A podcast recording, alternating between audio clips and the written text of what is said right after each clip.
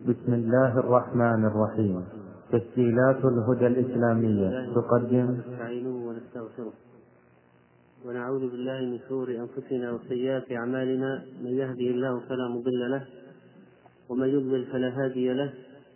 وأشهد أن لا إله إلا الله وحده لا شريك له وأشهد أن محمدا عبده ورسوله. يا أيها الذين آمنوا اتقوا الله حق تقاته ولا تموتن إلا وأنتم مسلمون. يا أيها الناس اتقوا ربكم الذي خلقكم من نفس واحدة وخلق منها زوجها وبث منهما رجالا كثيرا ونساء واتقوا الله الذي تساءلون به والأرحام إن الله كان عليكم رقيبا. يا أيها الذين آمنوا اتقوا الله وقولوا قولا سديدا يصلح لكم أعمالكم ويغفر لكم ذنوبكم ومن يطع الله ورسوله فقد فاز فوزا عظيما. أما بعد أحييكم أيها الإخوة في مطلع هذا الموسم من الدروس وأقول لكم السلام عليكم ورحمة الله وبركاته. وأسأل الله سبحانه وتعالى أن يجعل لقاءنا هذا لقاء في طاعته وأن يجعل مجلسنا هذا مجلسا مباركا ونافعا لنا جميعا. وأن يجعل ما نسمع حجة لنا لا حجة علينا. ويجدد الإنسان إيمانه بحلق الذكر وملاقاة إخوانه والعودة لما كان متعودا عليه من الطاعات والعبادات التي كان يمارسها في مكان معين كالدراسة كالمدرسة أو الجامعة ونحو ذلك من الأنشطة الإسلامية. ولا شك أن مثل هذه العودة في بداية العام الدراسي لها أثر في النفس. والعبد دائما ينبغي أن يتقلب في مواسم الطاعات والعبادات فسواء كان في عمل أو وظيفة أو إجازة فإنه يعبد الله سبحانه وتعالى. ودرسنا في هذه الليلة بين الهداية والانتكاس. هذا الدرس هو انطلاق من الحقيقة التي أقسم الله عليها بعدة أقسام في كتابه الكريم. فقال الله عز وجل والشمس وضحاها يعني ضوءها والقمر إذا تلاها والنهار إذا جلاها والليل إذا يغشاها والسماء وما بناها. أي بناء؟ ذات البناء أو ومن بناها فيكون قد أقسم بنفسه. والأرض وما طحاها يعني دحاها وبسطها وقسمها ونفس وما سواها يعني خلقها مستقيمة على الفطرة القويمة. فألهمها فجورها وتقواها بين لها طريق الخير والشر. وهنا يأتي جواب القسم. قد أفلح من زكاها وقد خاب من دساها قال بعض أهل العلم من المفسرين من زكى نفسه بطاعة الله وطهرها من الأخلاق الرديئة والرذائل ودساها يعني أخملها بخذلانه إياها عن الهدى حتى ركب المعاصي وترك طاعة الله عز وجل. فالشاهد قوله سبحانه قد أفلح من زكاها وقد خاب من دساها فمن زكاها فهذه هي الهداية ومن دساها فهذا هو الانتكاس بين الهداية والانتكاس ونتحدث أولا عن الهداية في هذه التزكية التي كان النبي صلى الله عليه وسلم يسألها ربه كما جاء في صحيح مسلم اللهم آت نفسي تقواها وزكها أنت خير من زكاها أنت أنت وليها ومولاها. الهداية المقصودة هي الهداية التوفيقية التي هي من الله وهي أعظم نعم الله على العبد وهي التي اختص الله بها. إنك لا تهدي من أحببت ولكن الله يهدي من يشاء. يحبب إلى العبد الإيمان ويكره إليه الكفر والفسوق والعصيان. هذه الهداية التي لا يملكها إلا الله عز وجل.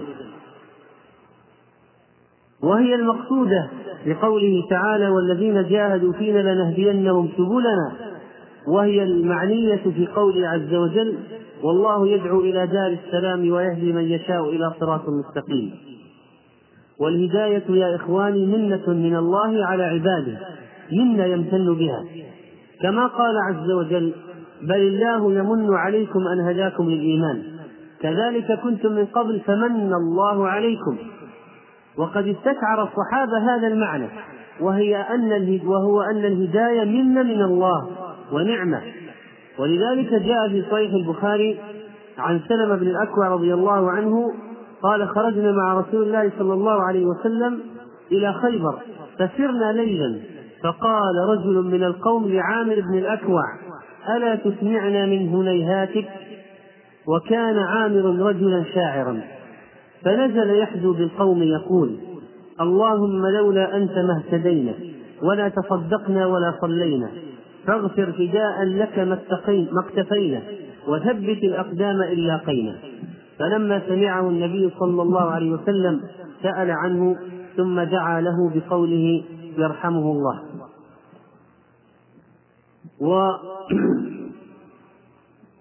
وأعظم منة من الله على نبيه صلى الله عليه وسلم هي أنه هداه. كما قال الله عز وجل معددا نعمه على نبيه صلى الله عليه وسلم ووجدك ضالا فهدى ووجدك عائلا فأغنى. وبين النبي صلى الله عليه وسلم للصحابة هذا فقال لما جمع الأنصار في الخطبة المؤثرة المشهورة يا معشر الأنصار ألم أجدكم ضلالا فهداكم الله بي؟ وكنتم متفرقين فألفكم الله بي وعالة فأغناكم الله بي فبدأ أولا بذكر الهداية من الضلالة. فالضلالة هي الشرك والهداية الإيمان وثنى بالتأليف والجمع وثلث بالغنى والمال فرتب النعم ترتيبا بالغا. وأهل الجنة حينما يدخلون الجنة يحمدون الله على نعمة الهداية التي هداهم في الدنيا. وقالوا الحمد لله الذي هدانا لهذا وما كنا لنهتدي لولا أن هدانا الله. قال الطبري رحمه الله الحمد لله الذي وفقنا للعمل الذي أكسبنا هذا الذي نحن فيه من كرامة الله وفضله وصرف عذابه عنا. هذه الهداية من الله يقذفها في قلوب من يشاء من عباده وأحيانا يهتدي الشخص فجأة بين عشية وضحاها. كما قال النبي صلى الله عليه وسلم في الحديث الصحيح في شأن المهدي قال المهدي منا أهل البيت يصلحه الله في ليلة فالمهدي حق سيخرج وهو من أشراط الساعة ويحكم سبع سنين يملأ الأرض عدلا كما ملئت ظلما. ويقسم يعطي المال بدون عد ولا إحصاء وإنما يحسو حسين هذا الرجل يصلحه الله في ليلة. الهداية ليست لها قاعدة ولا مكان. فإن الله سبحانه وتعالى قد يهدي الرجل في أفسق الأماكن. وقد يضل بعضهم في مكة كثيرون من الناس ذهبوا إلى أمريكا فأضلهم الله وبعضهم ذهب إلى هناك فهداه الله. فهذا شيء من الله. لا يملكه أحد. إنك لا تهدي من أحببت ولكن الله يهدي من يشاء. لكن للهداية أسباب كثيرة فمنها أولا العلم. العلم بالله تعالى وأسمائه وصفاته. فمن أراد الهداية فلا بد أن يعلم أن يكون عالما بالله وأسمائه وصفاته فاعلم أنه لا إله إلا الله وأن يعلم حق الرب على عبده وهو أن يعبده لا يشرك به شيئا. وثانيا الإيمان فهو من أعظم أسباب الهداية الإيمان الذي هو الاعتقاد والتصديق بالجنان والنطق باللسان والعمل بالأركان الذي يزيد بالطاعة وينقص بالعصيان. وقال الله عز وجل ومن يؤمن بالله يهد قلبه. إن الذين آمنوا وعملوا الصالحات يهديهم ربهم بإيمانهم فالإيمان من أعظم أسباب الهداية. وثالثا الدعاء. الدعاء وهو العبادة. ادعوني أستجب لكم. ونحن نقول في الصلاة اهدنا الصراط المستقيم دلنا على الصراط المستقيم وفقنا لطريقة الشرع وزدنا هدى. وكان النبي صلى الله عليه وسلم قد قال لعلي رضي الله عنه يا علي سل الله الهدى والسداد واذكر بالهدى هدايتك الطريق وبالسداد تسديدك السهم. فضرب له المثل الحسي إذا سألت الله الهداية تذكر كيف إذا خرجت إلى مدينة أو بلد سلكت طريقا فإنك تجتهد في معرفة الطريق والاستدلال إلى المكان وعدم. وعدم الضياع عن هذا الطريق وفقدانه وتذكر بطلبك السداد تذكر بالسداد تسديدك السهم فإن الذي يسدد يصوب ويجتهد ومن أسباب الهداية التوبة. التوبة كما قال الله عز وجل ويهدي إليه من أناب فإذا أناب العبد هداه الله سبحانه وتعالى. خامسا من أسباب الهداية المجاهدة. يقول الله سبحانه والذين جاهدوا فينا لنهدينهم سبلنا والمجاهدة على نوعين مجاهدة النفس ومجاهدة الشيطان وأيضا جهاد أعداء الله. فأما مجاهدة النفس فهي أنواع. فمنها مجاهدة النفس على تعلم الهدى وثانيا مجاهدة النفس على العمل بالعلم وثالثا مجاهدة النفس على الدعوة بهذا العلم ورابعا مجاهدتها على الصبر على الأذى في سبيل الدعوة إلى الله سبحانه وتعالى. وأما مجاهدة الشيطان فإنها تكون بأمرين مجاهدة الشيطان مجاهدة الشيطان بالشبهات التي يلقيها في نفس العبد وكذلك مجاهدته على الشهوات التي يلقيها في نفس العبد ويثيرها. ومن أسباب الهداية أيضا الجماعة الطيبة. قال الله عز وجل قل أندعو من دون الله ما لا ينفعنا وما لا يضرنا ونرد على أعقابنا بعد إذ هدانا الله كالذي استهوته الشياطين في الأرض حيران له أصحاب يدعونه إلى الهدى. له أصحاب يدعونه إلى الهدى. ائتنا تعال هلم أقبل. قل إن هدى الله هو الهدى. وكيف يقتنع الشخص بأن بأن الهداية هي مصلحته؟ أن يعلم أنه هو المستفيد من الهداية. ليس الله عز وجل. وهو المتضرر من الضلالة وليس الله عز وجل. قل يا أيها الناس قد جاءكم الحق من ربكم فمن اهتدى فلنفسه. ومن ضل فإنما يضل عليها وما أنا عليكم بوكيل. وجاء في الحديث القدسي يا عبادي لو أن أولكم وآخركم وإنسكم وجنكم كانوا على أتقى قلب رجل واحد منكم ما زاد ذلك في ملك شيئا. وهذه الهداية التي يقذفها الله سبحانه وتعالى في قلب من يشاء من عباده قد تكون عقب أمر من الأمور وشيء من الأشياء. فبعض الناس قد يهتدي من خطبة أو محاضرة أو موعظة أو دعاء تراويح أو بعد حج أو عمرة وبعضهم يهتدي لرؤيا يراها أو حادث يصيبه أو مصيبة كفقد وظيفة أو موت قريب ونحو ذلك أو يمرض مرضا تضعف نفسه فيه فيرجع إلى حقيقة أمره ويفكر في شأنه فيهتدي. أو بعضهم يهتدي بنصيحة أو دعوة يدعو بها رجل وبعضهم يهتدي من رؤية نكبات المسلمين وما أصابهم. وبعضهم يهتدي بمرافقة الرفقة الطيبة. وبعضهم يكون مهديا من صغره بتربية طيبة في البيت. وأسباب الهداية كثيرة التي يجعلها الله سبحانه وتعالى سببا لدخول هذا النور إلى قلب العبد. وربما لو أنكم عدتم بأذهانكم إلى الوراء. كل واحد منكم. ففكر في سبب إذا إذا كان مستقيما. فكر في السبب الذي به أدخل الله الإيمان إلى قلبه. لوجد قصة أو حادثة كانت كذلك.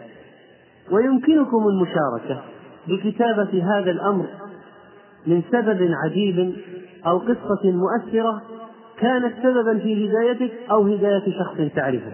لنرى في الختام أمثلة واقعية من هذه الأشياء فيتعجب العبد من أقدار الله سبحانه وتعالى.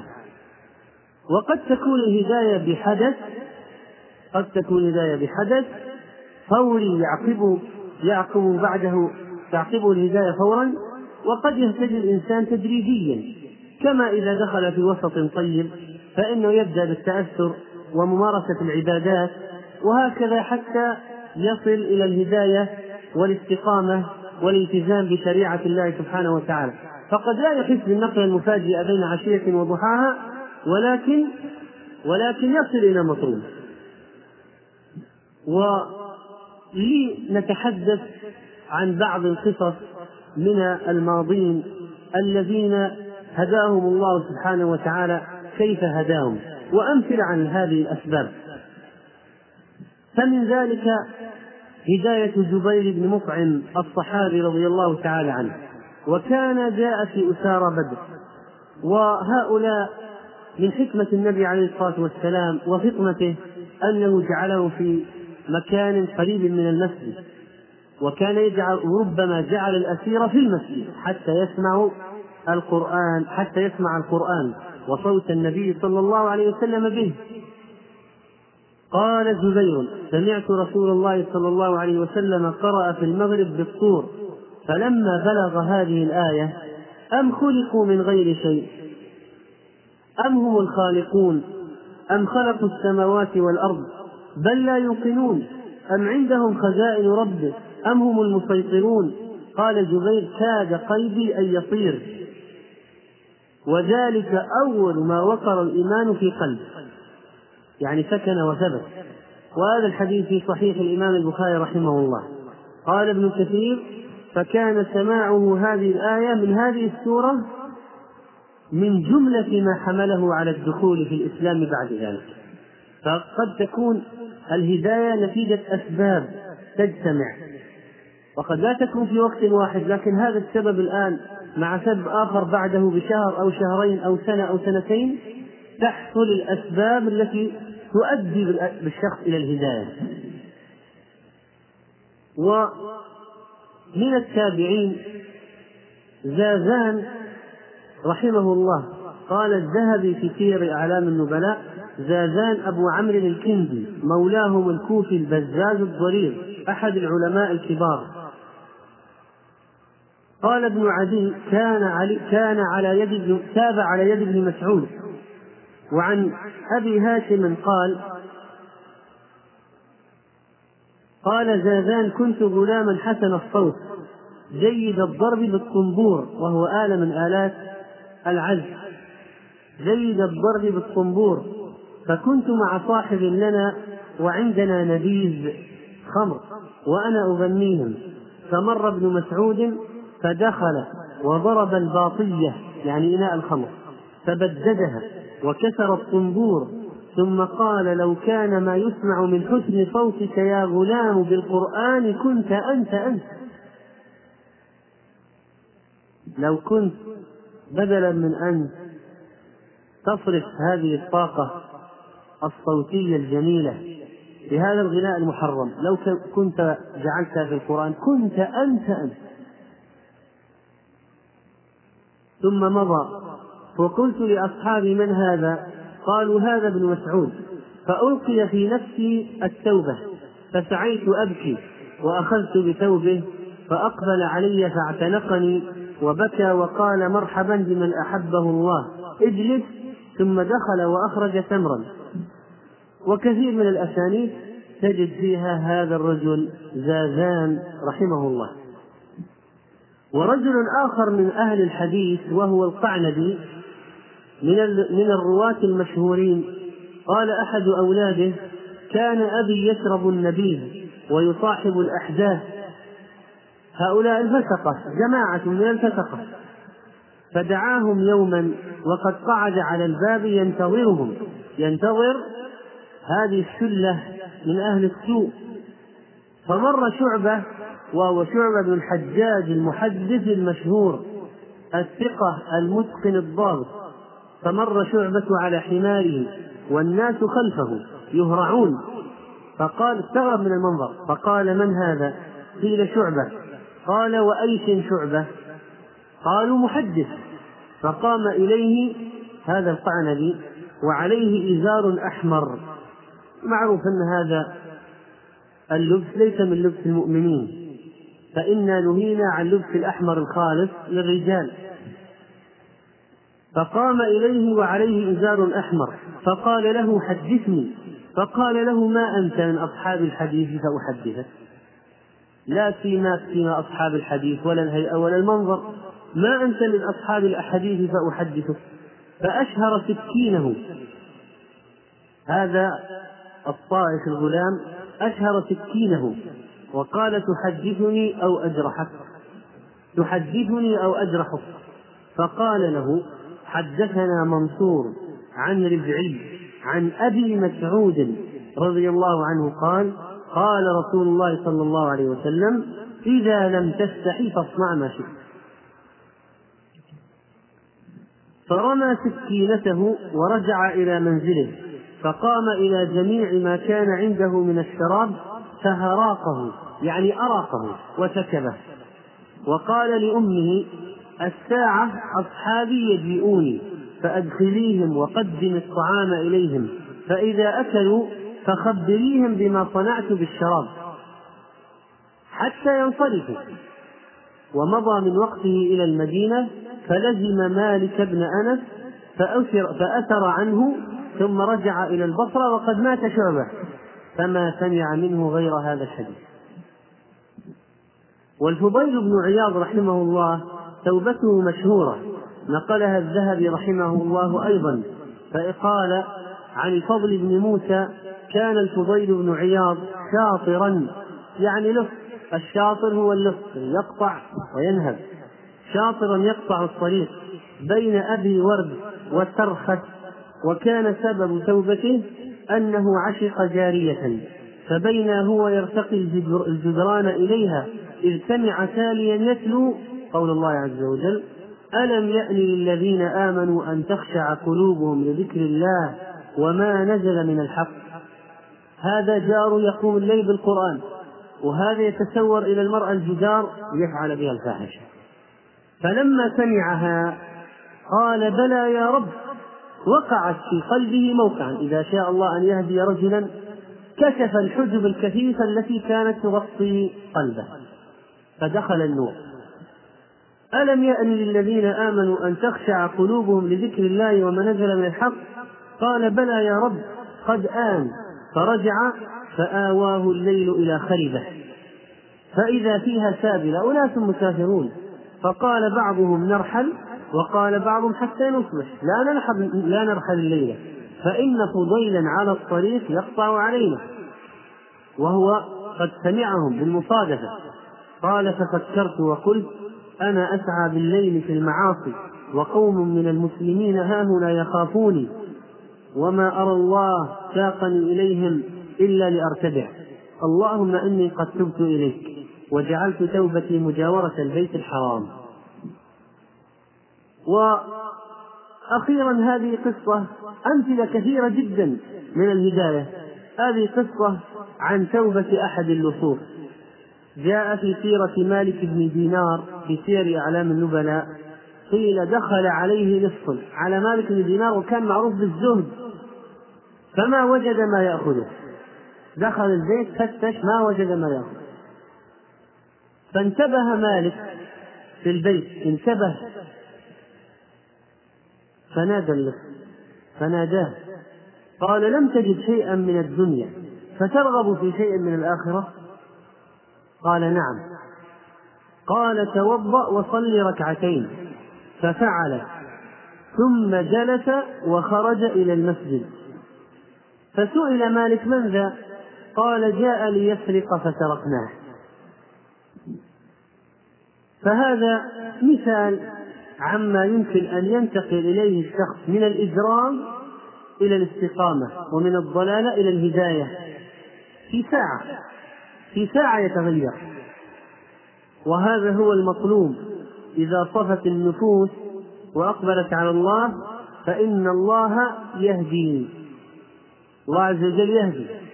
إذا ابتغى العبد الأسباب فإن الله لا يضله. الله عز وجل لا يضل من أراد الهداية لا يضله. الله رحيم بعباده.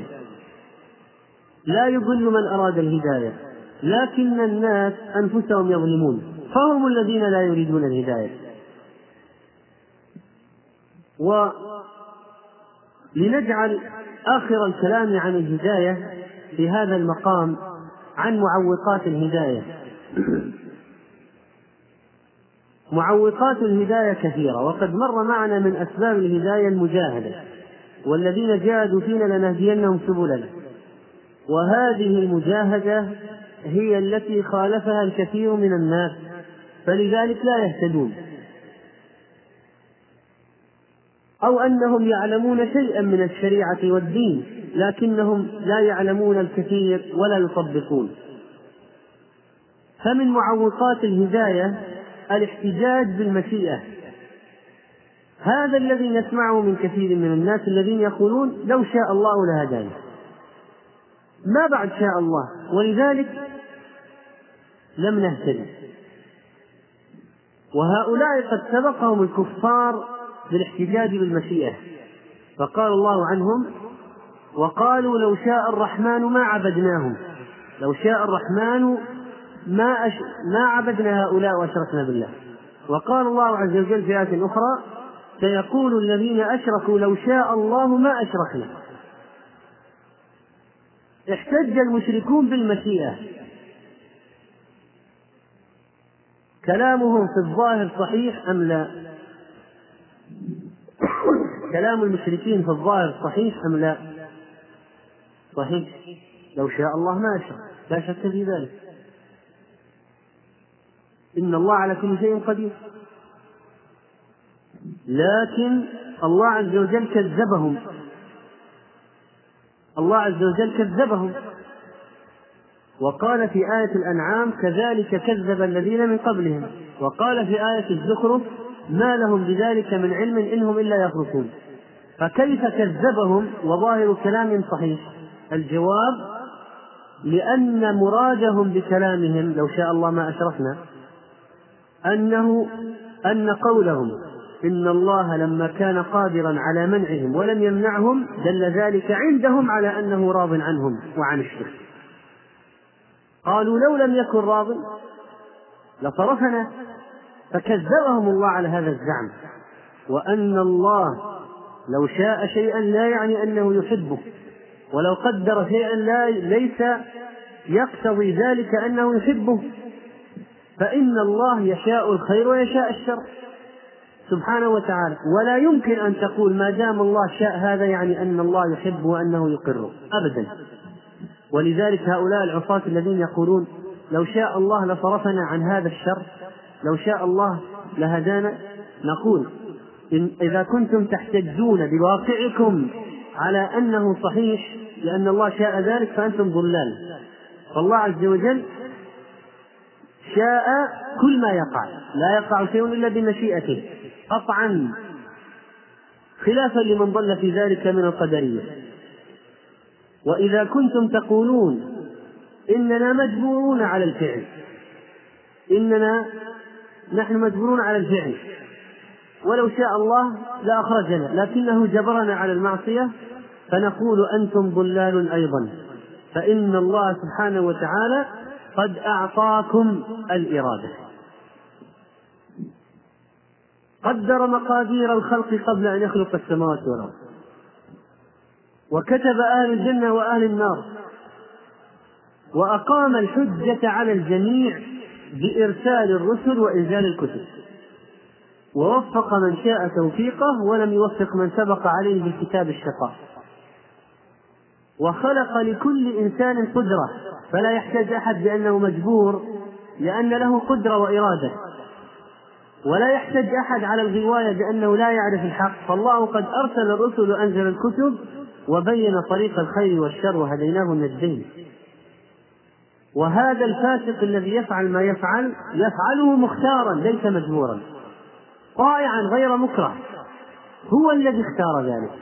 هو الذي اختار شرب الخمر فشرب وهو الذي اختار الزنا فزنى وهو الذي اختار سماع الغناء فسمع وهو الذي اختار الإسبال فأسبل ونحو ذلك. فهو الذي اختار بإرادته وقدرته التي أعطاه الله إياه هو الذي اختار الشر. فلا يصح بعد ذلك إنسان أن يقول أنا مجبور. أو أن يحتج بمشيئة الله على أن الله يرضى واقعه السيء كلا بعد هذا كله لو خالف فهو يستحق العقاب. والهداية لا تصل إلى الناس من الشباك وهم يتفرجون أو وهم نائمون. تصل إليهم الهداية يقولون نحن ننتظر الهداية. ماذا تظن يعني؟ أن الهداية شيء سيأتي من خلفك فيكلف فيك. بدون أي عمل منك. بل إن الإنسان لو رأى في لو رأى أمامه أشد الحوادث تأثيرا. لو كان قلبه مغلف لا يريد التأثر فإنه لن يتأثر. ومن ومن عوائق الهداية تكرار الوقوع في المعصية. فإن بعض الناس يقول في نفسه أنا أدخن وأترك ثم أدخن وأترك ثم أدخن وأترك أنا أحلق اللحية ثم أعفيها أحلقها ثم أعفيها ثم أحلقها ثم أعفيها أنا أسمع الأغاني ثم أترك وأسمع الأغاني ثم أترك. فيقول إذا خلاص أنا لست مستعدا لهذا التردد فيفلت العنان لنفسه وهواه ويرجع إلى الضلال يستمر فيه. فنقول له يا هذا لا شك أنك عند رجوعك عن الباطل وإن كان لفترة مؤقتة فإنك أحسن من الذي يستمر عليه دائما. إذا رجعت أنت أحسن من الذي يدخن دائما ويحلق دائما ويسمع المحرمات دائما. ثم إن الازدواجية التي وقعت فيها ينبغي أن تدفعك إلى الثبات على الحال الحسن واختيار الخير وليس أن ترجع وتستقر على الحال السيء. ثم إن الإنسان إذا وقع في معصية فإن ذلك لا يعني أن يترك بقية الطاعات. هبك وقعت في معصية. هب أنك وقعت في معصية. هل تترك بقية الطاعات وتقول ما دام صارت عندي معاصي إذا لأسلك سبيل المعاصي المفتوح بجميع ما فيه؟ كلا. ثم إن هذا الحديث يدل على أن الإنسان إذا فعل معصية فإنه يرجع ويتوب. وليس أن يقول وقعت فأكمل فيما وقعت فيه. لا. عن ابن مسعود قال جاء رجل إلى النبي صلى الله عليه وسلم فقال يا رسول الله وجدت امرأة في بستان ففعلت بها كل شيء غير أني لم أجامعها قبلتها ولزمتها ولم أفعل غير ذلك فافعل بي ما شئت. فلم يقل الرسول صلى الله عليه وسلم شيئا. فذهب الرجل فقال عمر لقد ستر الله عليه لو ستر نفسه. فأتبعه رسول الله صلى الله عليه وسلم بصره ثم قال ردوه عليه فردوه عليه فقرأ عليه قول الله عز وجل أقم الصلاة طرفي النهار وزلفا من الليل إن الحسنات يذهبن السيئات إن الحسنات يذهبن السيئات ذلك ذكرى للذاكرين. فقال معاذ رضي الله عنه وفي رواية عمر يا رسول الله أله وحده أم للناس كافة؟ قال بل للناس كافة. بل للناس كافة. فنقول إذا وقع الإنسان في معصية لا يستسلم فإنه يقبل على الله ويتوب يذهب ويتوضأ ويصلي ركعتي التوبة. وإذا كانت جريمة يذهب فيعمل عمرة أو يحج من أجل هذه المعصية. فإن عمر قال عن ذنب فعله مع النبي صلى الله عليه وسلم فعملت لذلك أعمالا من أجل هذا الذنب. ومن عوائق الهداية أن بعض الناس يعتقد أن الله لا يمكن أن يغفر له وأن ذنوبه كثيرة جدا من كثرة السيئات لا يمكن أن يغفر الله له. وهذا باطل وهذا سوء ظن بالله وهو شك في قدرة الله. بل إن الله عز وجل قد قال في الحديث القدسي من علم أني ذو قدرة على مغفرة الذنوب. غفرت له ولا أبالي. ما لم يشرك بي شيئا. إذا لا يمكن إنسان أن يقول لن أدخل الهداية لأن ذنوبي أكثر من أن يغفرها الله. هذا باطل. وهذا اعتقاد محرم. بل ينبغي أن يتوب إلى الله ويقبل على الله. ما دام لا يشرك بالله شيئا لو أتيتني بقراب الأرض خطايا ثم لقيتني لا تشرك بي شيئا لأتيتك بقرابها مغفرة. ومن ومن عوائق الهداية اعتقاد أن جو الهداية شدة وتزمت ووسوسة ورهبنة وحرمان وتحريم الضحك ونحو ذلك من الأشياء الباطلة. الجواب كلا فإن جو الهداية على عكس من ذلك.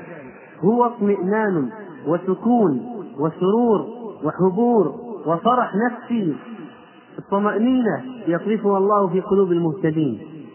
ويحصل في قلوبهم من أنواع السرور ما يحمد به العبد ربه على نعمة الهداية. وليست الهداية تحريما للطيبات فإن الله قد قال قل من حرم زينة الله التي أخرج لعباده والطيبات من الرزق من الذي حرمها؟ الله أباحها فمن الذي يجرؤ على تحريمها؟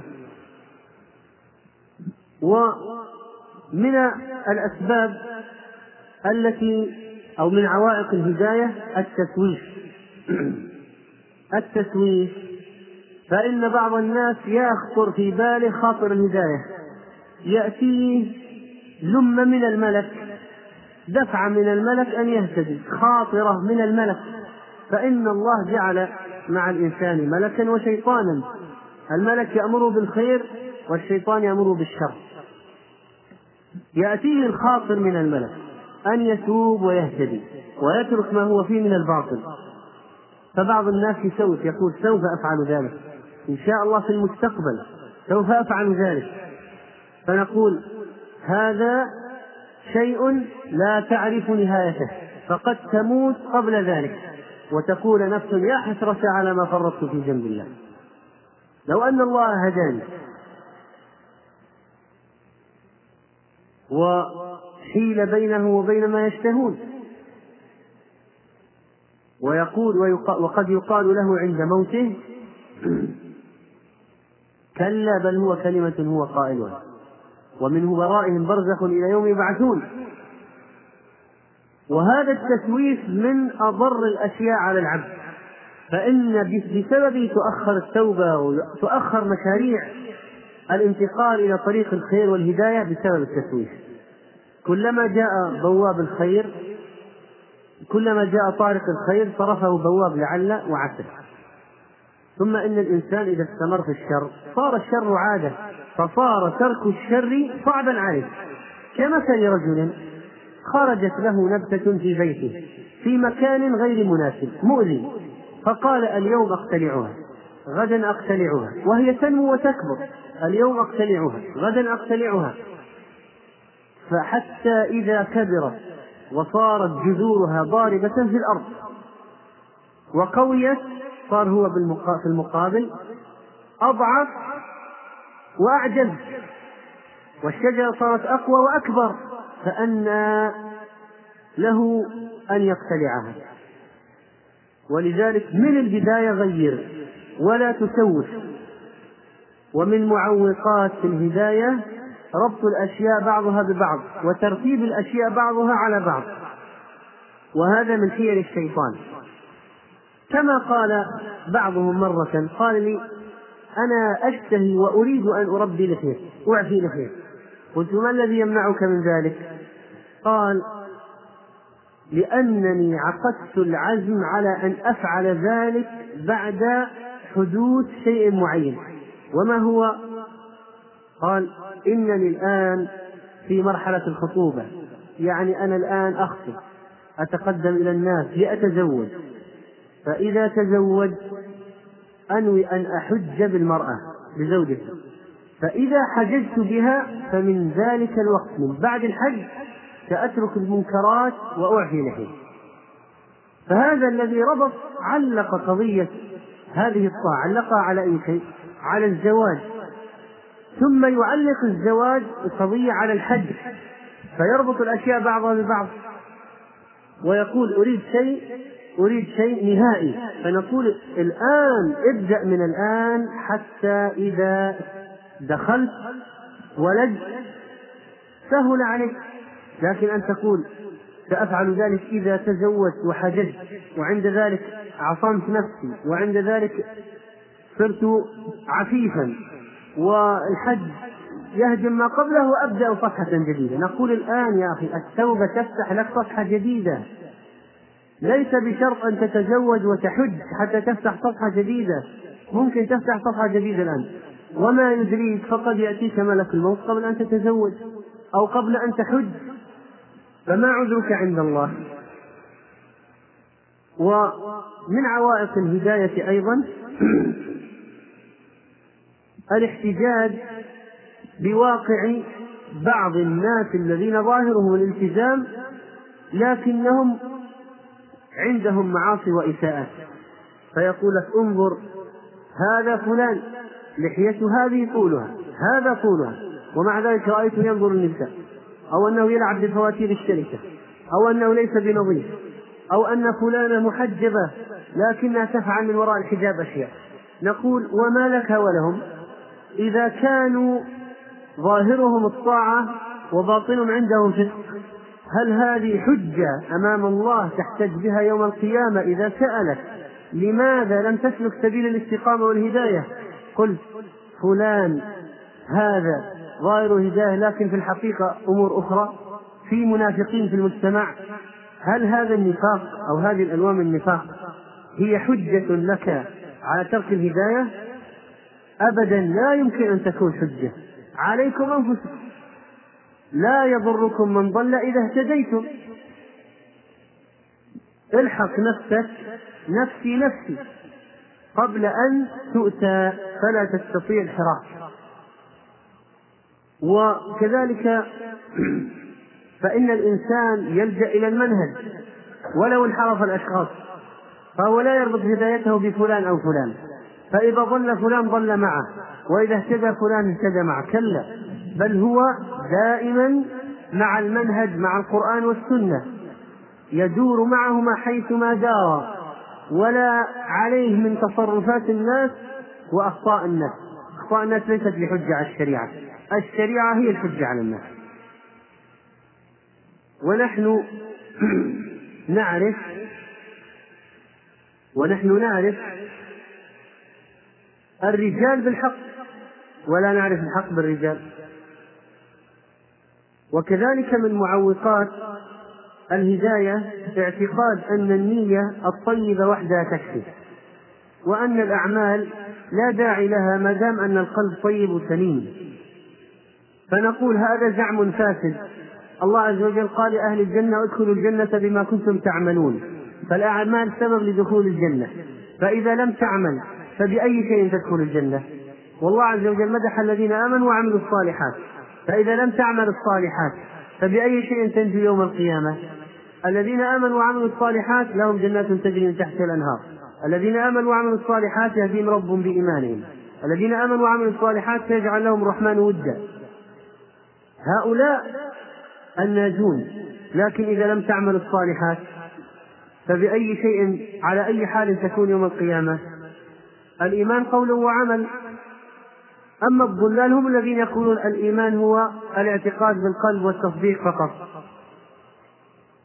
ومن معوقات الهداية أيضا أن ينظر الشخص إلى من هو دونه في الدين. فيقول أنا أصلي الصلوات الخمس فلان يقصر الصلوات. وإذا كان يقطع الصلوات قال أنا أفضل من فلان فلان لا يصلي أبدا. وإذا كان لا يصلي أبدا قال أنا أفضل من البوذي. وعابد البقر. فنقول هذا هذا مفهوم خاطئ ونظرة منحرفة. فإن الإنسان في الدين ينظر إلى من هو أعلى منه. ثم إنه قد جعلت لنا القدوة لنقتدي بها وأمرنا بالاتباع. لقد كان لكم في رسول الله أسوة حسنة. قل إن كنتم تحبون الله فاتبعوني يحببكم الله. فبهداه مقتده. لكن متى تنظر إلى من هو دونك في أمور الدنيا؟ كما قال النبي صلى الله عليه وسلم انظروا إلى من هو أسفل منكم في أمور الدنيا ولا تنظروا إلى من هو فوقكم فهو أجدر ألا تزدروا نعمة الله عليكم. رواه أحمد ومسلم وغيرهما.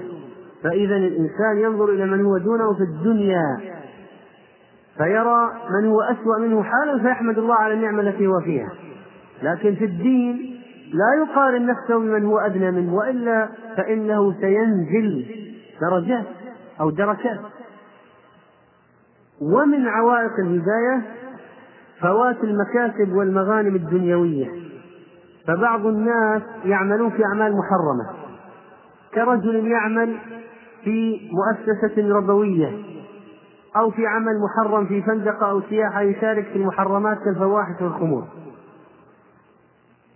ونحو ذلك من الأعمال المحرمة فإذا جاءه خاطر الهداية قال الآن لو اهتديت وجب علي ترك العمل. لأنه محرم يتناقض مع الهداية. إذا تركت العمل فات المرتب والمرتبة وأين أجد عملا آخر؟ أو فاتني الجاه والمنصب. كما وعظ العتاهية كما وعظ العتاهية الشاعر الخليع أبا نواس. فماذا رد عليه أبو نواس؟ قال أتراني أتراني يا عتاهي تاركا تلك الملاهي. أتراني مفسدا بالنسك عند القوم جاهي؟ تريدني أن أصبح متنفس. فأفسد جاهي عند القوم. أنا صار لي الآن حظوة ومكان عندهم. أنا محددهم. أنا قاصهم. أو أنا يا ليت القصد. أنا مضحكهم والذي أقص عليهم قصص التي ترقي عنهم ونحو ذلك فكان مقربا بعض السلاطين وكان يحب هؤلاء الوجهاء والأغنياء ونحو ذلك من السفهاء والفسقة فيأتون به يحدثهم يقص عليهم. فإذا اهتدى معناها أنه سيترك هذه الأجواء وتفوته الأعطيات أو يكون إنسان في مكان يأخذ رشاوى وعمولات فإذا جاء خاطر الهداية قال ستفوتني هذه هذا الدخل وهذه الأموال. فهذه أشياء دنيوية وأشياء دنيوية زائلة والدنيا كلها ملعونة بنص الحديث. الدنيا ملعونة ملعون ما فيها إلا ذكر الله وما والاه أو عالما ومتعلما.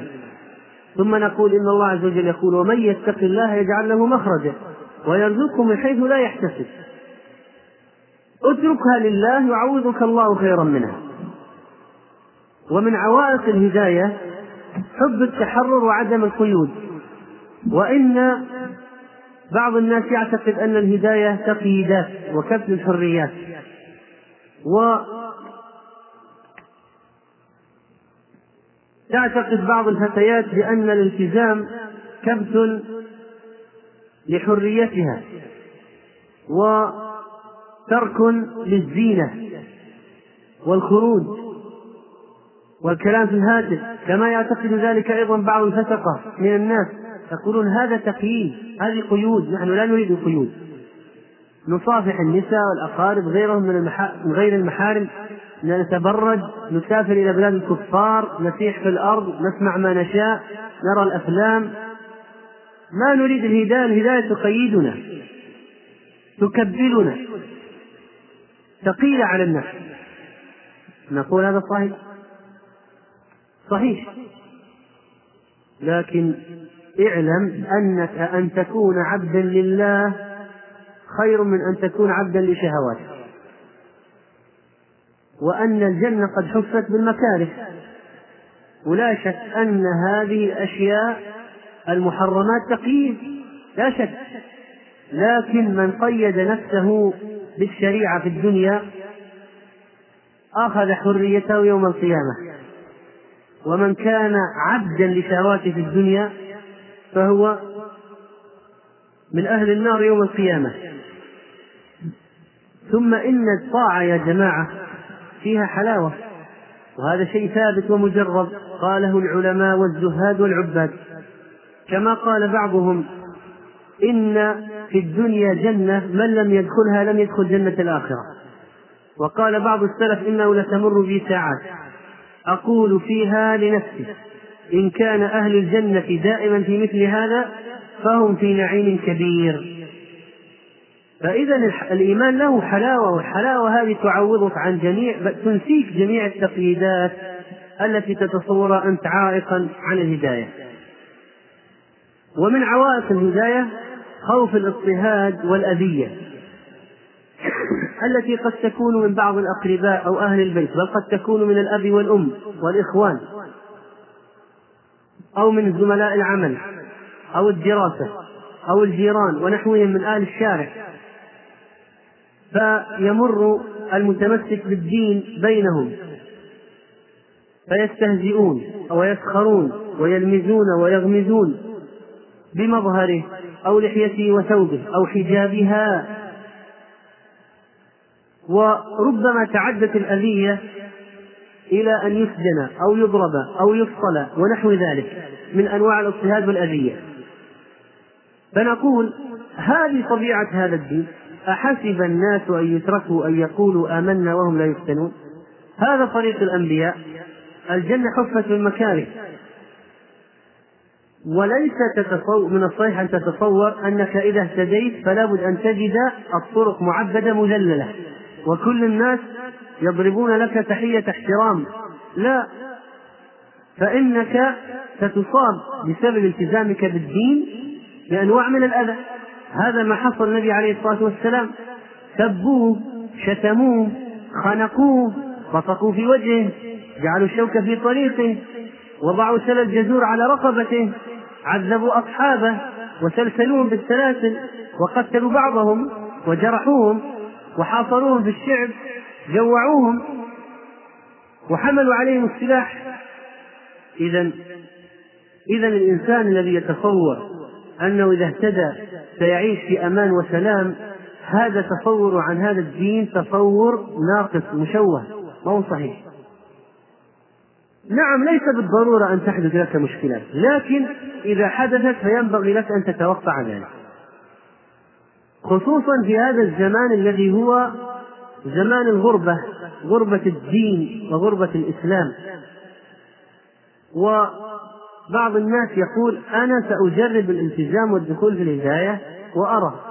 إذا صارت أموري جيدة آه، والناس احترموني كملت الطريق وإلا رجعت. هذا الذي يعبد الله على حرف ومن الناس من يعبد الله على حرف.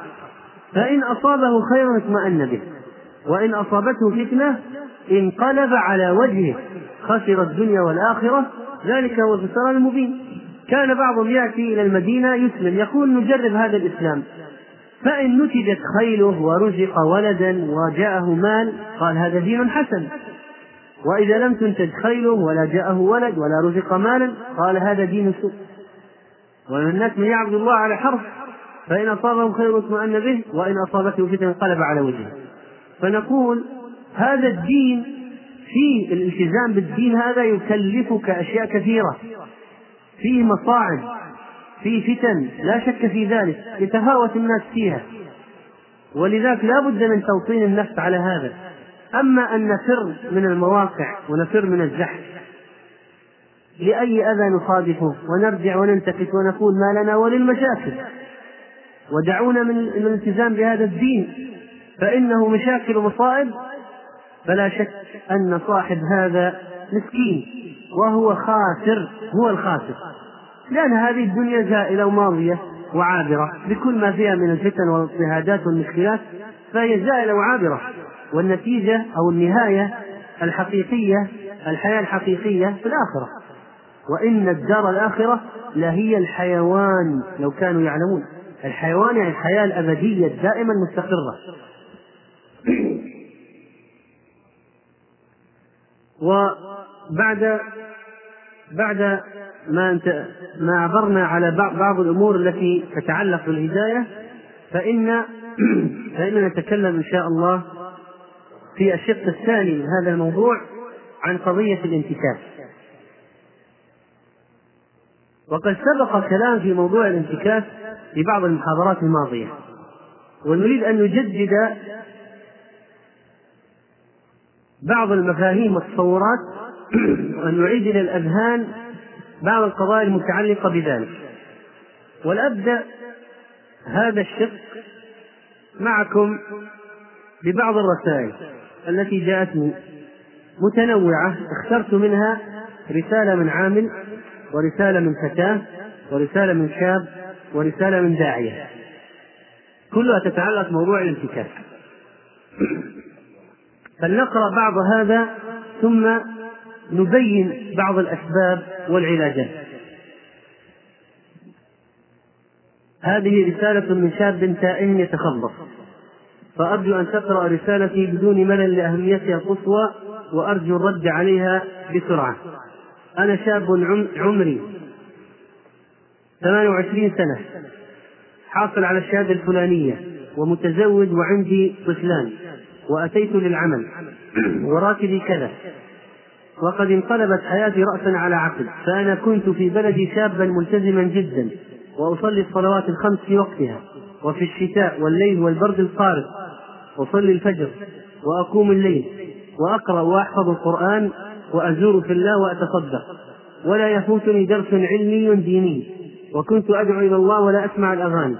وإذا رأيت تلفازا أدرت له ظهري. والنساء عندنا عاريات وبرغم ذلك كنت أغض بصري وغير ذلك من أعمال الخير ولا أزكي نفسي على الله. ولكن ماذا حدث لي الآن؟ انظر الفارق بين القلب الخير والقلب القاسي. أصبحت لا أصلي بالمسجد سوى وقتين أو ثلاثة ولا أصلي الفجر إلا قليلا وقد أستمع إلى الغناء وأشاهد التلفاز بل في بعض الأحيان الفيديو. ولم أحضر درس علمي واحد سوى خطبة الجمعة. ومع أن النساء في حجاب أحسن حالا في المكان الذي أنا فيه رغم ذلك أنظر إليهن ونسيت ما حفظته من القرآن وألغو في كلامي وأتحدث ما كنت أستحي منه قبل ذلك وغير ذلك من الأمور التي أستغرب أنا شخصيا من فعلها. وهذا وهذا التحول له أسباب. منها أولا أسكن مع شابين لا يحلون حلالا ولا يحرمون حراما إلا نادرا ويستمعون الغناء والموسيقى والتلفاز بكثرة. وقد جاهدتهم ولكن أصبحت أخوض معهم. ليس عندي وقت لحضور دروس العلم. ووجدت الناس قلوبهم مغلقة وقاسية ولا هم لهم سوى جمع المال. لا أجد أصدقاء يعينوني على طاعة الله. وكذلك فإنني أبيع العطورات وتدخل علي النساء وهن على كل شكل. وقد تطلب الواحدة منهم مني وتقول هل تبغي؟ فإذا وجدتني أصمت من هول الصدمة تلاحقني وتقول هات 200 ريال وهيا. وفي مواجهة هذه الفتنة قمت بأعمال العادة السرية التي لم أستعملها في حياتي. وأنا الآن بعيد عن أهلي إلى آخر الرسالة. وهذه رسالة من فتاة تقول كنت أعيش كنت أعيش في هذه الدنيا وفي طاعة الله. وأصلي وأتصدق وأذكر الله عز وجل.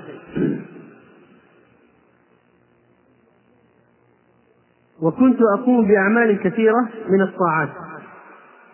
ولكن الآن انقلب أمري رأسا على عقل فصرت لا أصلي وأكره الصلاة.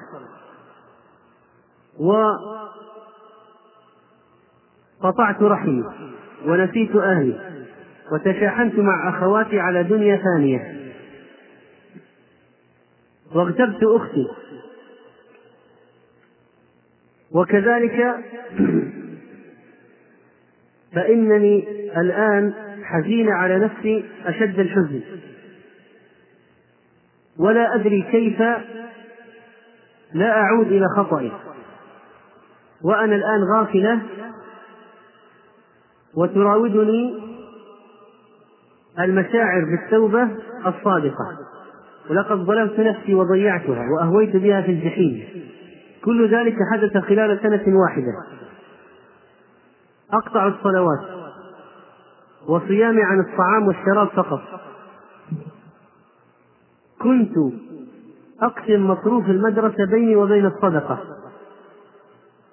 والآن لا أخرج شيئا. وإن سألتني عن لساني فلقد اتخذت الكذب هواية والغيبة فاكهة والنميمة وسيلة لأعيش بها. والشتائم والمسبات صارت روتين جارد لا أستطيع تركه وإن وإن سألت عما أرى فإنني أرى الأفلام ولا أغض بصري وأسهر على المسلسلات وأذني لسماع الموسيقى والأغاني والحسد قائم. وأنا عاقة لوالدي. وأهملت حتى في الدراسة.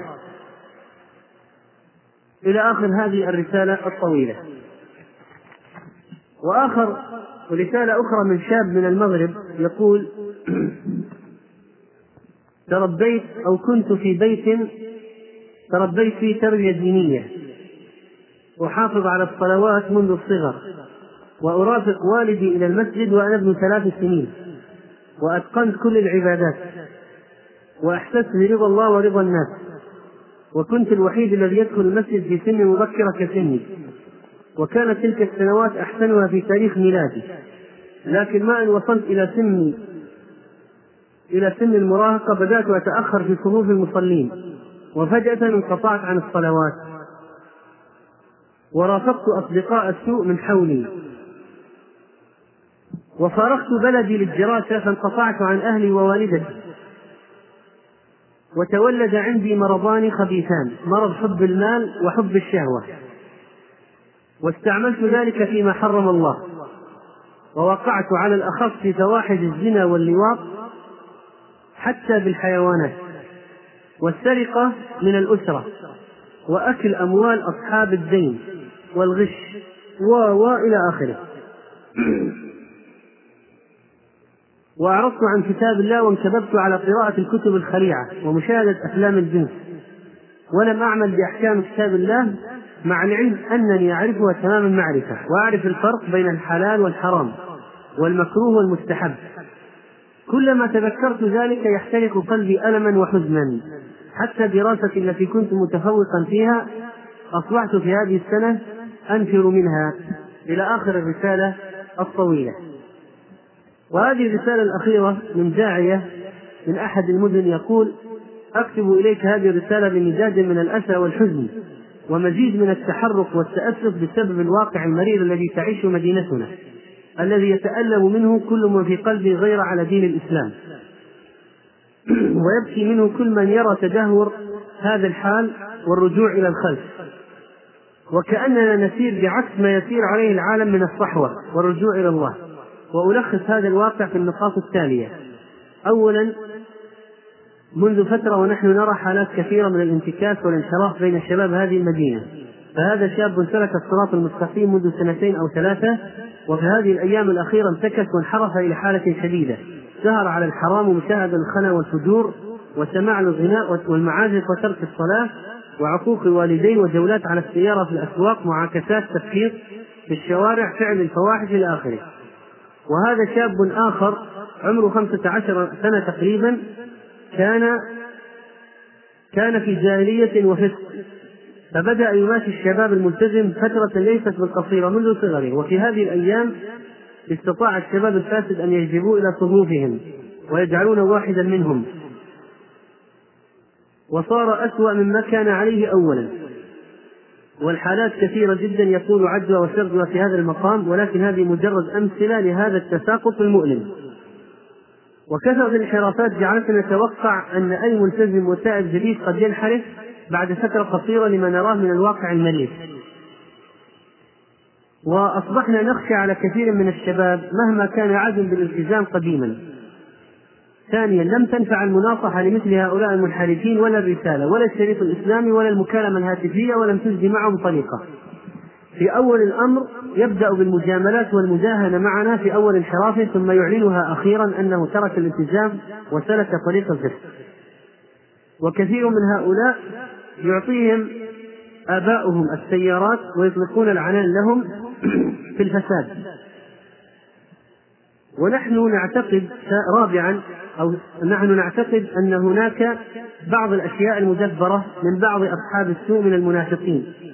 حتى أن بعضا من الشباب الفاسد يظهر الالتزام مدة قصيرة ويدخل بين أوساط الملتزمين ولكنه ينحرف ساحبا معه اثنين أو ثلاثة وخاصة من الصغار. إلى آخر هذه الرسالة. وهذه الرسائل تعبر عن عما نريد أن نتكلم عنه في قضية الانتكاس لما تكلمنا عن موضوع الهداية أيها الإخوة والأسباب التي تجعل الإنسان يهتدي الله عز وجل لابد أن نتحدث في المقابل عن قضية الانتكاس التي تصيب بعض الذين يدخلون في هذا الدين ويسلكون سبيل الاستقامة. ونحن لا نريد أن نهول الأمر. ونقول ليست هذه الأكثرية والحمد لله. بل إن ولله الحمد الذي يدخل في هذا الدين ويعرف هذا الدين قل ما يتركه. وإنما الترك يكون من الذين في قلوبهم مرض ولا شك في ذلك.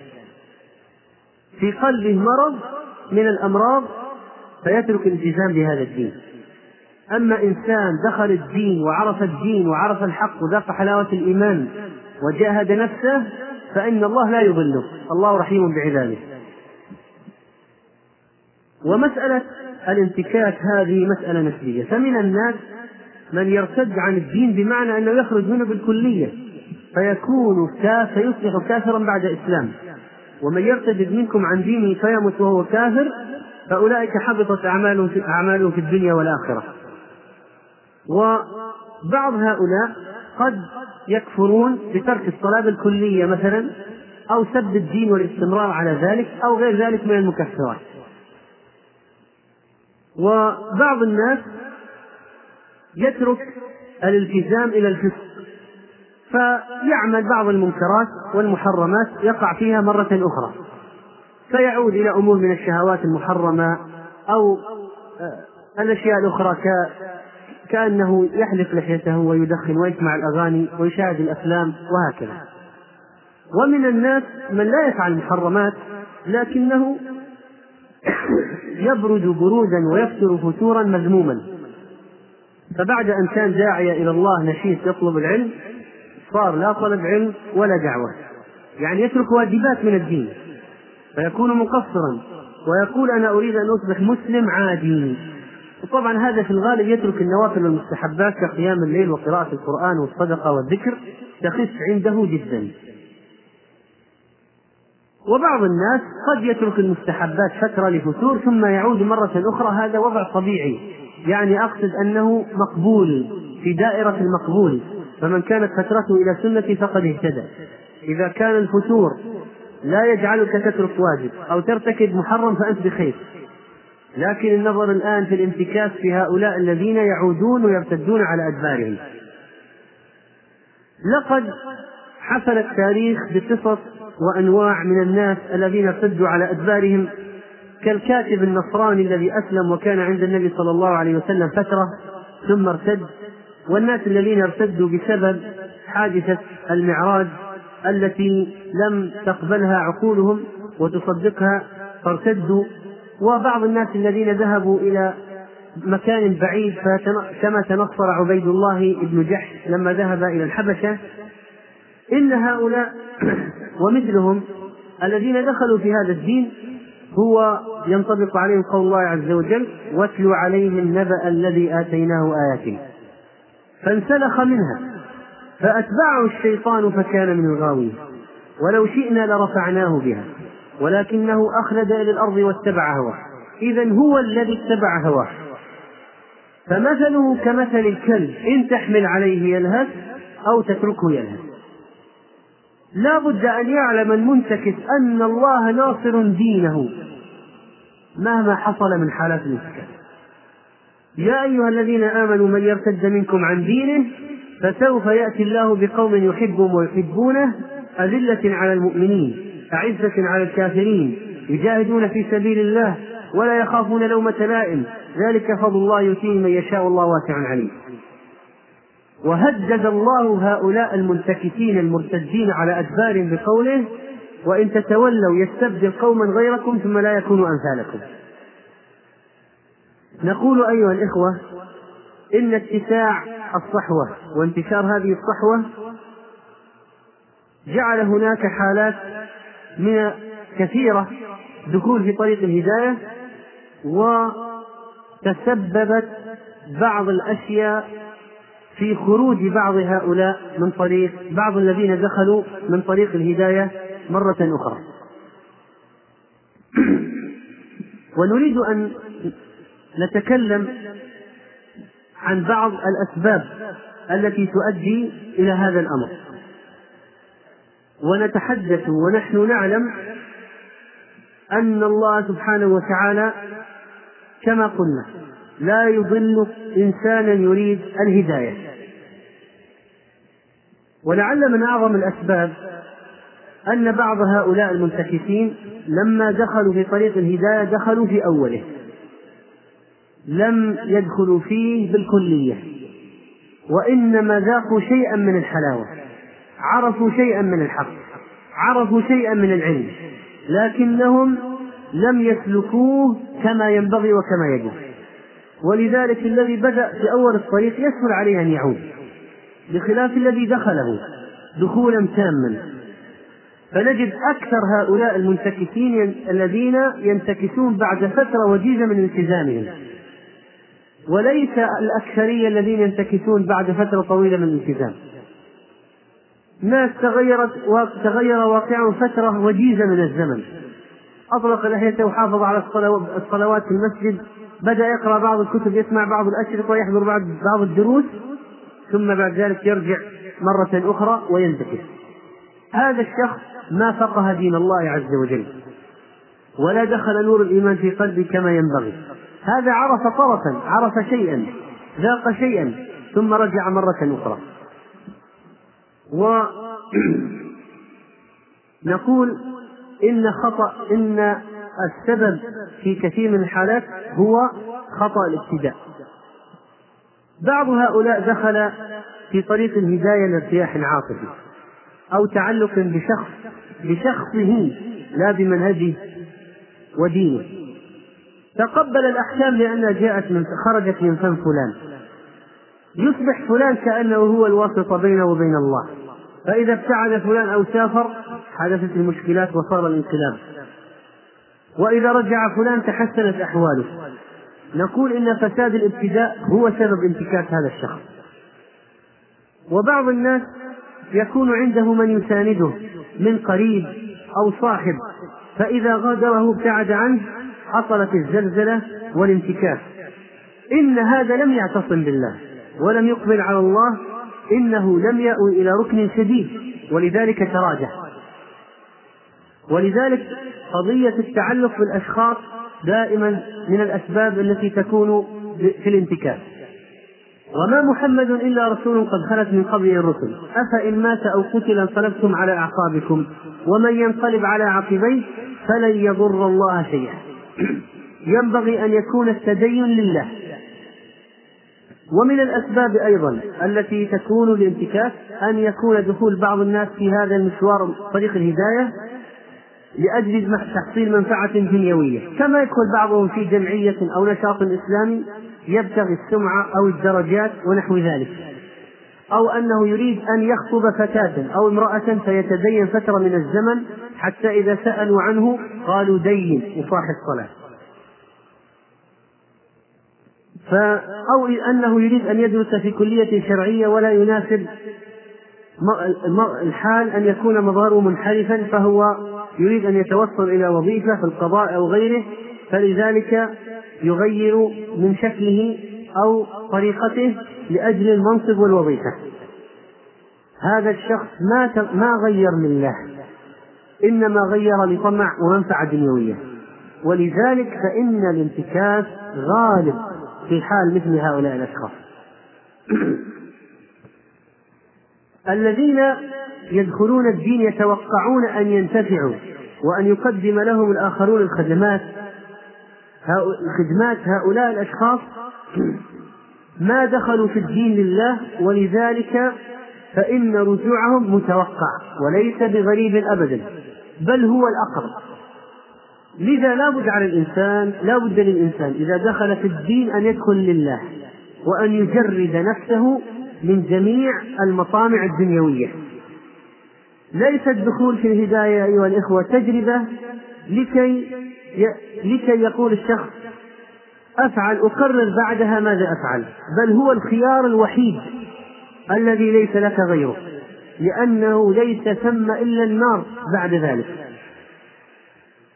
وبعض الناس يكون من أسباب انتكاسهم أنهم لا يخلصون أنفسهم من شوائب الجاهلية بالكمال فيدخل في الدين ويدخل معه أنواعا من المنكرات يقيم عليها وتكون هذه المنكرات سبب انتكاسهم في المستقبل.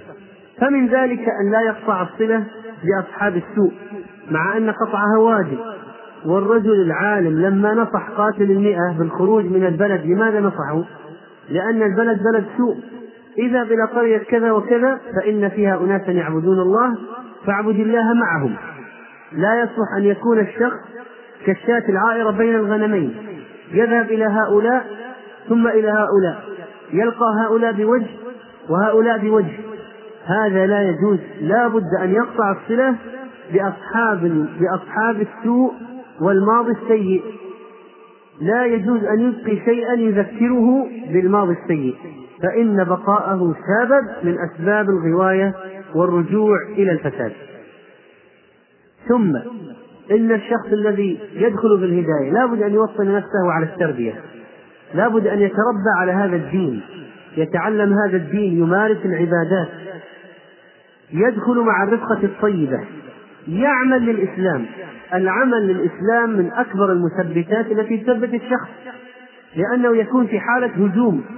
بينما لو قعد وقال أنا أريد أن أكون مسلم عادي هذا ستتناوشه المهلكات من كل جانب. ولذلك ينبغي أن يمارس الإنسان التربية في نفسه طلب العلم الدعوة إلى الله عز وجل. إذا مارس ذلك حافظ على نفسه من الانتكاس. وكذلك فإنه لا يصلح أن يكون السبب الذي يبقينا في دائرة الهداية هو أثر أثر من موعظة سابقة دون ازدياد من المواعظ أو أثر من علم سمعناه دون ازدياد من العلم أو أثر من أخوة طيبة دون الازدياد منها. لا بد من الازدياد وتأسيس النفس على تقوى من الله ورضوان ثم إن بعض الناس الذين يميلون إلى الفردية ولا يريدون أن يعيشوا في جو الأخوة الإسلامية والجماعة الطيبة والرفقة الصالحة هؤلاء من أكثر الناس تعرضا للانتكاس. هذا الدين قائم على قائم على أن يكون المؤمنون كالجسد الواحد. والله سبحانه وتعالى امتن على عباده بأن ألف بين قلوبهم. ولذلك أيها الإخوة قلنا في أول محاضرة عندما تكلمنا تكلمنا عن تذكير النبي صلى الله عليه وسلم للأنصار كنتم ضلالا فهداكم الله به. كانوا متفرقين فألفهم الله وجمعهم بالنبي صلى الله عليه وسلم. فهذا دين جماعي وإنما يأكل الذئب من الغنم القافية ولا بد أن يعلم الشخص كذلك أن الالتزام ليس له حد محدد والهداية لها حد محدد. لا بد أن يستمر في العمل. لسنا كالصوفية الذين يقولون إذا وصلت إلى مرحلة اليقين مرتبة اليقين سقطت عنك التكاليف. ما في شيء اسمه سقوط التكاليف. لا بد أن نستمر في العبادة. وكذلك من الأمور المهمة أن نطهر أنفسنا من الآفات القلبية. الآفات القلبية خطيرة جدا. فمثلا العجب الغرور الكبر. هذه الأمور التي تكون عند بعض الناس ولا تظهر لأنها خفية خصوصا إذا صار معها شهوات خفية كحب الرئاسة وحب الظهور. لابد أن تؤدي إلى قضايا من مراءاة الخلق وإلى التعاظم والانتكاس في النهاية.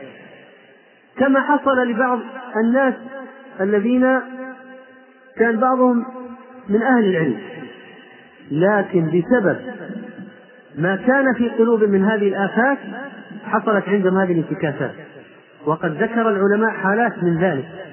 قالوا كان فلان من الذين يطلبون الورع والزهد وقيام الليل واقتفاء آثار العباد وكنا نجتنب المزاح بحضرته. لا نمزح بحضرته. وبعد ذلك فتن وتراجع وسقط. فتنته إحدى بنات الحرس وألقت عصاها به فافتتن الرجل وانتكس ورجع. وفلان اختصر كتاب كذا كان يعلم في القراءات ونحو ذلك وكان مجتهد مثابر على النسخ ولكن حصل له خذلان. تراجع. جاءت فترة ضعف الرجل ما جاهد نفسه ولا قاوم نفسه نسي كل شيء. وآخر عشق فتى نصرانيا حتى ترك العلم وأهل العلم حتى ألف لهذا النصراني كتابا في تفضيل التثليث على التوحيد. فإذا هذه القضايا الداخلية قضايا خطيرة جدا. لا بد أن تعالج من البداية. إذا تركت قضية العجب والغرور حب الرئاسة هذه الأشياء تستسهل وتستشري وتقضي على الشخص في النهاية. وكذلك أيها الإخوة يحس بعض الناس من أسباب الانتكاس إحساس أنه صار كامل لا ينقصه شيء. ولذلك يكون هذا من أسباب كبره وعجبه بنفسه فيسقط بعد فترة من الزمن. وكذلك الحسد فكم تسبب في فتنة أناس. والتساهل واتباع الرخص واحتقار الصغائر من الأسباب التي تؤدي إلى الانتكاس. قيل لبعض أهل العلم إن فلان يبيح الغناء وفلان يبيح النبيذ فلان يبيح كذا. قال إن الذي يبيح الغناء لا يبيح النبيذ. الذي يبيح النبيذ لا يبيح الغناء ونحو ذلك. فهذا يتتبع سقطات العلماء ويأخذ بالرخص ويجمعها معا فيتبعها. طيب فلان العالم هذا أخطأ. سواء أخطأ لجهل أو هوى أو أخطأ لاجتهاد خاطئ إذا تتبعت الرخص خرجت من الدين. ولذلك فالذي يقول والله فلان رخص في الأخذ من اللحية وفلان رخص في الغناء إذا كان ما فيه أشياء من وصف النساء. والموسيقى إذا صارت هادئة لا بأس وفلان ونحو ذلك من الأشياء. فإن هذا هو بداية الانتكاس بل هو بل هو الشروع في الانتكاس فعلا. تتبع الرخص من المشكلات والقضايا الخطيرة التي أودت بأشخاص كثيرين وأوصلتهم إلى معسكر أهل الباطل. ومن الأمور التي ينبغي الحرص عليها كذلك وتجنبها عدم مخالطة أهل السوء والاستئناس بهم وعدم القعود معهم. لا يجوز أن نقعد معهم لغير حاجة شرعية مصلحتها راجحة. وبعض الطيبين يتساهلون في الجلوس مع أهل الفسق والفجور. ولا بد أن يأخذ منهم وأن يتأثر بهم. ولو سألته وقلت أجبني بصدق. عندما خرجت منهم هل قلبك على الحال التي كان عليها قبل الدخول عليهم؟ أبدا لا يمكن أن يكون كذلك. وهذه المسألة الجلوس مع الفسقة إيناسا لهم أو استئناسا بهم هي من أسباب الانتكاس ولا شك. فلا يجوز الجلوس معهم. الله سبحانه وتعالى نهانا عن الجلوس مع هؤلاء. وقلنا قبل قليل قضية التهاون بالصغائر. مثل نظرة إلى امرأة أجنبية. تكون هذه هينة. أو مشاهدة شيء محرم يستهين به ثم يستمر شيئا فشيئا. كما قال بعضهم أولا كنت أرفض أي نوع من أنواع الرشوة أبدا ولا أقبل أي هدية. ثم قال صرت أنتقي فأقول هذا يمكن ما يتأثر ولا يطلب مني شيء يتعلق بالوظيفة فآخذ منه. ثم فتحت المجال قليلا فصرت آخذ بشروط. أقول هات هات هدية هات كذا لكن ترى بشرط أنا لن أفعل لك خدمة ثم تنازلت عن الشرط وفي النهاية قال صرت أنتقي الهدايا انتقاء وأشترط في النهاية. أقول لابد تأتي لي بكذا. فالناس الذين يتساهلون في البداية يتسع الخرق عليه في النهاية. ولذلك لنجتنب الصغائر وهي محقرات الذنوب لأن الإنسان يحتقرها هي التي تورد المهالك يجتمعن على الرجل حتى يهلكنه وبعض الناس يقول يعني أترك حضور الاجتماع اجتماع العمل لأجل الصلاة ماذا يقولون عني؟ قد يكتب فيني المدير تقرير سيء، قد يخصم علي كذا أو أمنع من الترقية.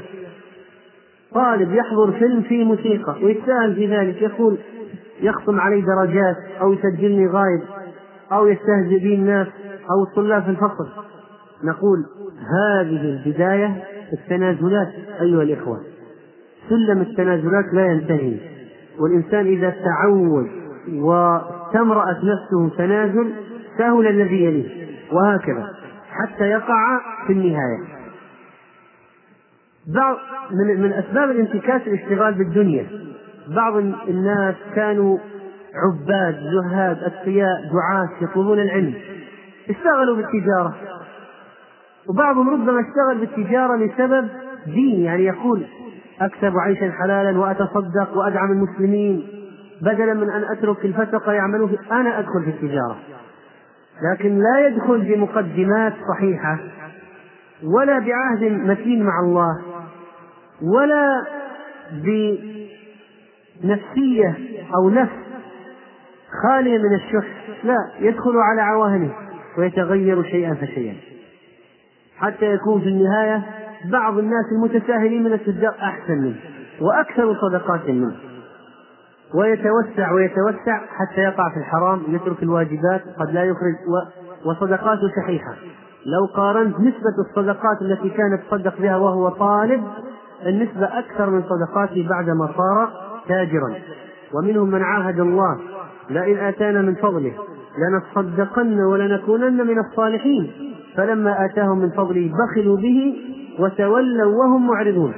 فانتبهوا يا أيها المشتغلون بالتجارة المقبلون على الدنيا أو طلب الوظائف الكثيرة أو العمل في أكثر من وظيفة.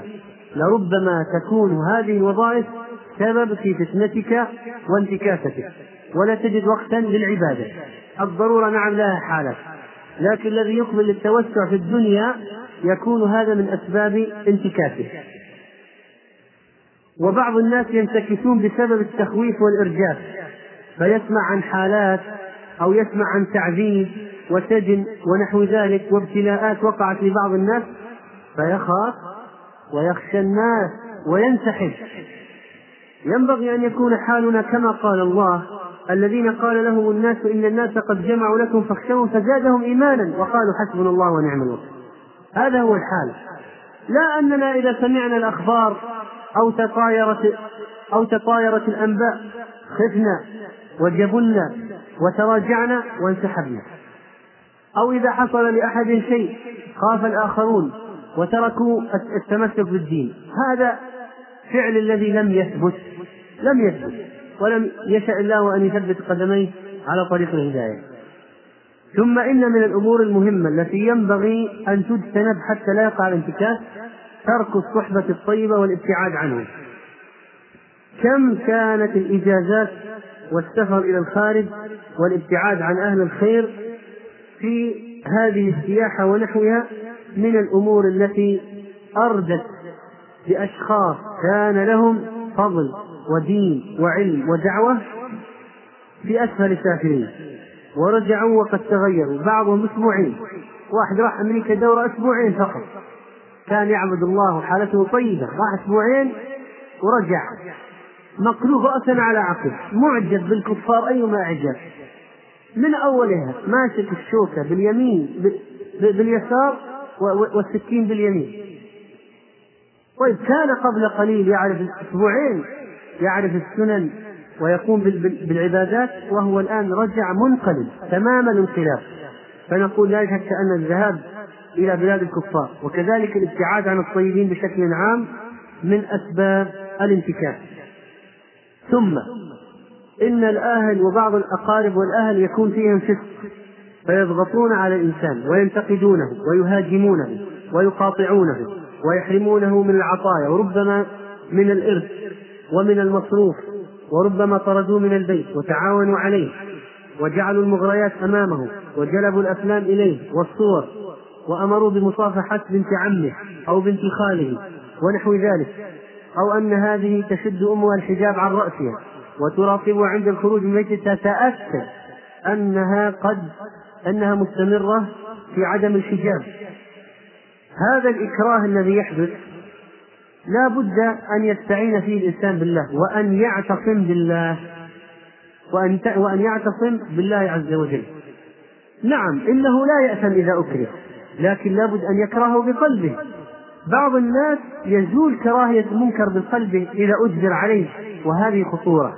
نحن لا نقول يأثم إذا أكره، لكن لابد أن يستمر على كره هذا المنكر في قلبه وأن يصبر على هذه الفتن وعلى هذه المحاكمات التي قد يعملوها له أو يشهرون به في المجالس ويستهزئون به فيعلم أن هذه سنة المرسلين. وتعلم المرأة التي هددها زوجها بالطلاق نزل الحجاب أن الدنيا ابتلاءات وأنها فتن فتصبر على ذلك. وكذلك أيها الإخوة فإننا أيضا نذكر في هذا المجال بقضية طاعة الله عز وجل إذا خلا الإنسان بنفسه. وأن الخلوة بالنفس ينبغي أن يكون الإنسان فيها مستحضرا لمراقبة الله عز وجل له وأن يعلم أن الله مطلع عليه ناظر إليه يرى حركاته وسكناته. و لا بد على الإنسان إذا أحس بشيء أن يرجع. إذا قصر في صلاة الفجر أن يعود مرة أخرى. ثم إننا نوصي الدعاة إلى الله عز وجل بالحكمة في معالجة المنتكسين. الصبر والمواصلة والتذكير بالماضي والتقاء الأشخاص المؤثرين الذين لا يكرههم الشخص ولا زالت تربطهم تربطهم به علاقة طيبة. ونذكر بالقاعدة في الهجر القاعدة الشرعية. إذا أدى الهجر إلى منكر أكبر وساءت أحوال الشخص أكثر لا يجوز الهجر. وإذا كان الهجر علاجا يرده فالهجر يكون هجرا شرعيا. وقل من الناس من يفقه ذلك. ولا بد لأهل التربية أن يربوا الناس على دين الله عز وجل وليس على التعلق بالشخصيات. لا بد أن تكون الأسس قوية. والإنسان كذلك نذكر الناس الذين فيهم ضعف أنه مهما رأى المنتكسين من حوله والمتساقطين فإن ذلك لا يصلح أن يدفعه إلى التشبه بهم أو أن يبرر هو وتكون يكون هذا عذر أبدا. لا يقول نوقش أحد هؤلاء واحد من هؤلاء يفوت الظهر والعصر ينام عن ظهر العصر وقد يكلم النساء بالهاتف يقول نوقش قال فلان فلان انت تكلمني فلان يفعل ذلك وفلان يفعل ذلك وفلان كان طيب وانتكس وفلان كان ملتزم وترك. فنقول هذه محاولات التبرير فاشلة لا تصلح أبدا ولا تكون عذرا عند الله سبحانه وتعالى. ونسأل الله عز وجل أن يهدينا وإياكم الصراط المستقيم وأن يثبتنا على الدين القويم. اللهم حبب إلينا الإيمان وزينه في قلوبنا. وكره إلينا الكفر والفسوق والعصيان واجعلنا من الراشدين. يا مثبت يا مقلب القلوب ثبت قلوبنا على دينك. سبحان ربك رب العزة عما يصفون وسلام على المرسلين والحمد لله رب العالمين.